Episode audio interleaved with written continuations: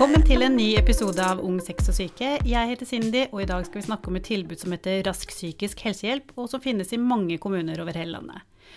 Og med meg i dag så har vi deg, Cato Strand. Ja. Hjertelig velkommen hit. Hei, hei. Du jobber i Rask psykisk helsehjelp i bydel Ullern i Oslo. Mm. Uh, og det finnes mange ulike tilbud hvis man ønsker å få hjelp når man har ulike psykiske utfordringer. Og Rask psykisk helsehjelp er et slikt tilbud. Eh, Vi kan jo starte med, hvis du forteller lytterne, hva slags psykiske utfordringer har de som søker hjelp hos dere? Det er jo mest eh, engstelige og depressive helseplager, som vi kaller det for. Søvnproblemer, stress, eh, bekymringsangst, helseangst. eh, Panikkangst-lidelse. Veldig mange som har, fornemmer at nå får jeg panikk. Uff a meg. Folk ringer fra jobb, folk ringer fra, fra klasserommet eller fra, fra i friminuttet eh, og ber om hjelp, da. De fleste har vel ikke hatt noe hjelp før. Det er kanskje første gang de ringer. Noen er litt eh, flaue. Noen gruer seg litt. Noen vurderer å ikke møte opp allikevel. Så går det veldig bra, da, for det er god, god effekt av kognitiv terapi. Som vi, det er metoden vi bruker. Mm, kognitiv terapi, hva, var det? Kognitiv atferdsterapi. Nei, da ser vi på sammenhengen mellom tanker du får, følelser du får, øh, hva du da gjør sånn atferdsmessig, og hva det fører til av konsekvenser, da. Ja. Hva, hva fører det til av handlinger? Hva er det du gjør, hva er det du ikke gjør? Er det masse unngåelse? Driver man med knips og knep for å holde ut, tvinge seg gjennom hverdagen? Så det kan være mammaen, det kan være pappaen, det kan være 18-åringen. Eh, Eldste med angst som jeg, jeg har hjulpet, da, med panikkangst. Hun var vel 87 år. Mm. Og da vet man jo aldri når panikkangsten kommer. Det kan være trygt hjemme i sofaen, det kan være på T-banen. Det kan være når du slapper av, og når det er ingen fare. Så kan det hogge til i hjertet, blodtrykket øker, du får den der hjertebanken som kommer, blir tørr i munnen, prikking, iling i hender, i føtter, fornemmer at du får sånn tunnelsyn. Mm. Og alt det er jo en naturlig reaksjon for å kunne berge livet, ikke sant. Finne nødutgangen, eh, se lys i tunnelen, løpe dit. Problemet er jo at man får angst når man ikke skal ha det. Mm. Det er falsk alarm. Ikke farlig, men utrolig ubehagelig. Mm. Veldig skremmende. Veldig. Ja.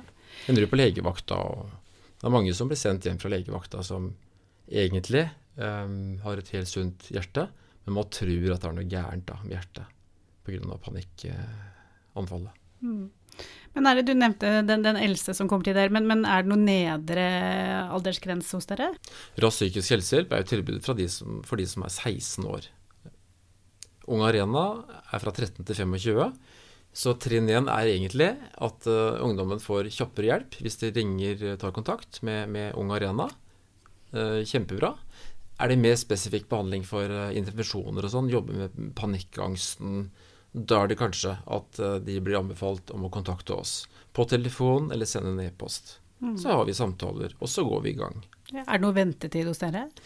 To til fire uker. Det er det vi sier. Hender at vi er kjappe og kan tilby en time før det. Men stort sett så, så er ventetida på to til fire uker. Men da får de starta da med elektronisk kartlegging av engstelige og depressive symptomer, livssituasjon, ressurser, utfordringer, før du da møter opp kanskje da innen to til fire uker. Så får de tilgang til en kode og logger seg da på assistert selvhjelp. Som består av mange forskjellige fantastiske program. Ja. Og dette gjelder jo hos dere, men dette kan jo variere fra rask psykisk helsehjelp til en Ja. annen i bydeler og i kommuner. Men dere som jobber der, hva slags eh, utdanning har dere, eller hva, hva slags bakgrunn har dere? I mitt team da, så har vi fire personer. Frida psykolog, Katrina psykolog, Bente Edlund og jeg er kognitive terapeuter. Vi er vernepleiere begge to. Og så har vi litt ulik erfaring. Jeg jobba ti år på DPS, hatt ansvarsvakter der, og jobba egentlig kun med psykiatri, da. Med personlighetsforstyrrelser og psykoseproblematikk. eh, Masse angst, da. Mm. Så det Men hvordan er det man kommer i kontakt med det, hvis det er, la oss si det er en ungdom som har hørt om dere, eller altså, trenger man noe henvisning for å komme til dere? Trenger ikke henvisning. Da ringer du når det er vakttelefon. Det har vi på tirsdag og torsdag fra 12 til 2. Du kan også sende en e-post. Jeg heter og telefonnummer. Så tar vi kontakt med vedkommende. Besvarer ikke SMS. eh, Det gjør vi ikke. Send en e-post. eh, Sjekk at du bor i riktig bydel. Noen ringer jo f.eks. fra Nordre Aker og har hørt om oss, kanskje. Men eh, det er jo tilbud da til de som har bostedsadresse i den, den bydelen de bor i. Så De fleste kommuner nå i Oslo, bydeler, har vel eh, rask psykisk helsehjelp nå. Mm. Så det, det, er det første vi sjekker. Hvor bor du? Ikke sant? ja, men jeg bor bare 100 meter fra bydelsgrensa. Det blir allikevel sånn da, at vi må holde litt på de grensene. Ja. Ja. Eh, Men er det noen dette tilbudet ikke passer for, tenker du? Altså, som må gå andre steder? Ja, hvis, i påvente av eh, plass på DPS f.eks. Hvis det er akutt, hvis det er antatt at det er behov for langvarig behandling, da er det ikke oss. Mm. Det er ikke noen sånn eller, mellomstasjon før du kommer inn på distriktspsykiatrisk senter Ja. eller BUP-en. Og, og Ja. BUP-en. Mm. Så vi kjører ikke parallelle tilbud.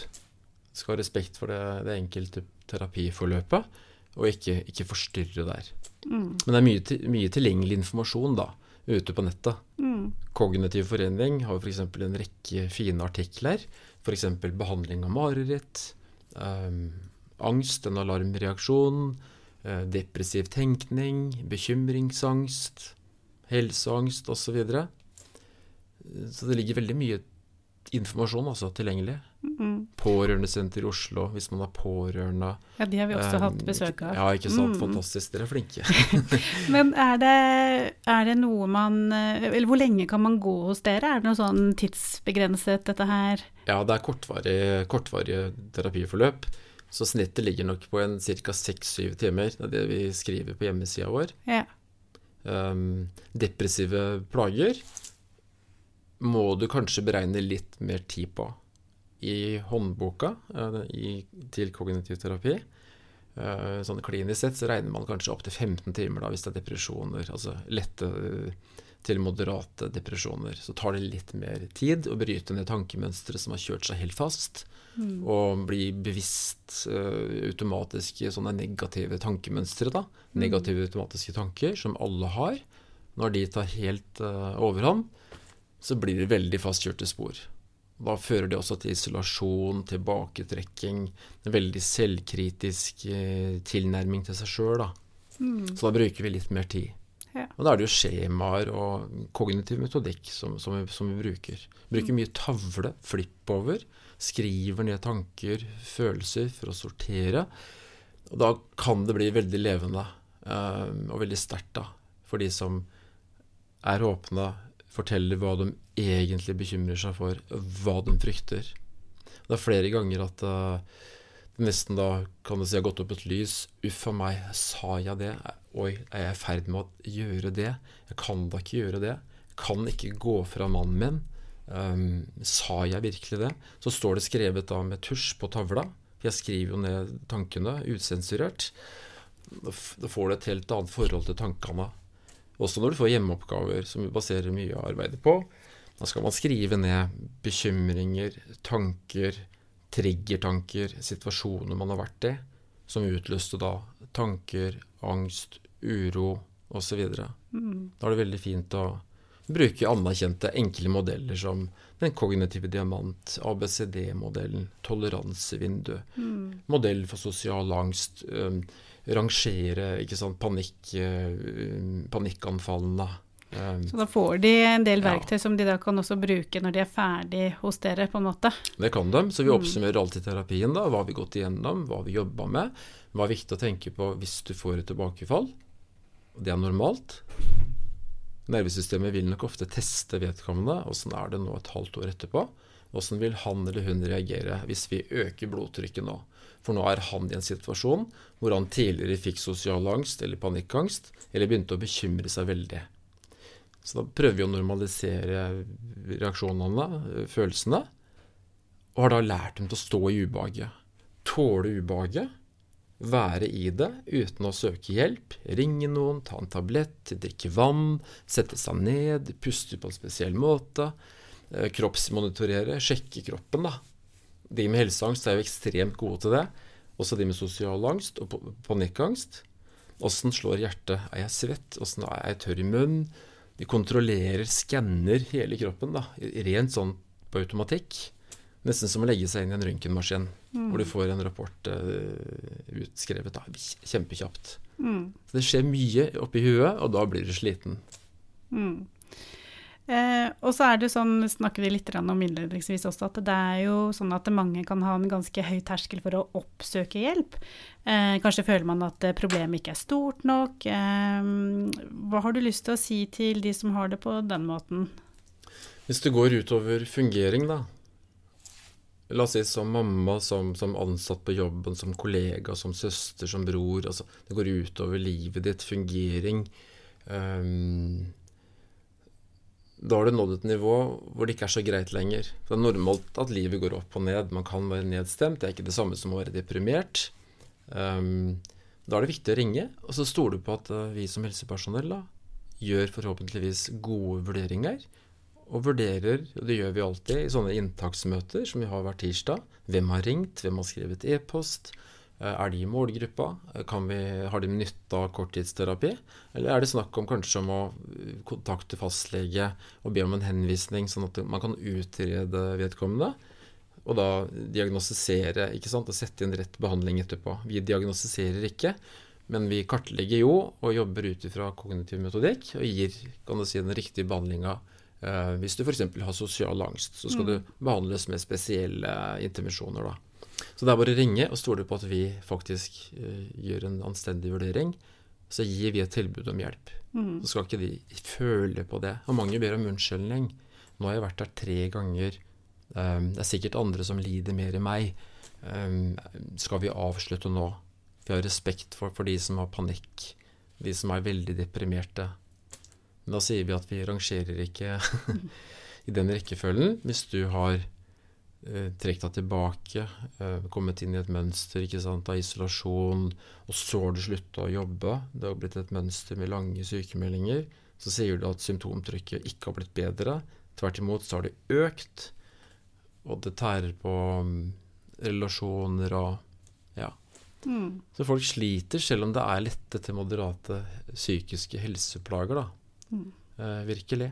Stress, søvn, hvem er jeg? Min selvfølelse er elendig. ikke sant? Hvorfor er det sånn, Cato? Uh, mannen min er glad i meg, jeg har friske barn.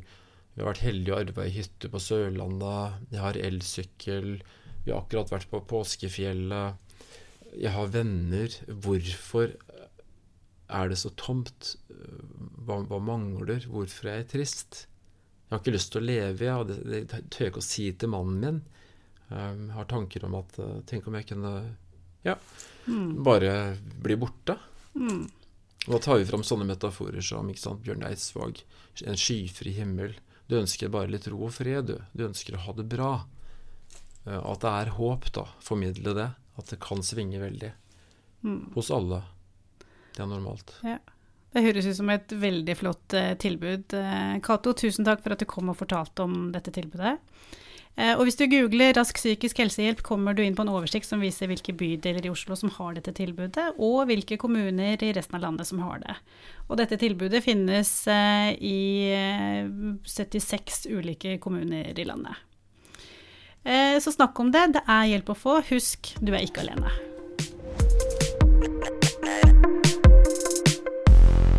Mitt navn er Cindy Engmark Sandvold. Det tekniske var ved Helle Midtbø. Helle og Cindy har også hatt det redaksjonelle ansvaret.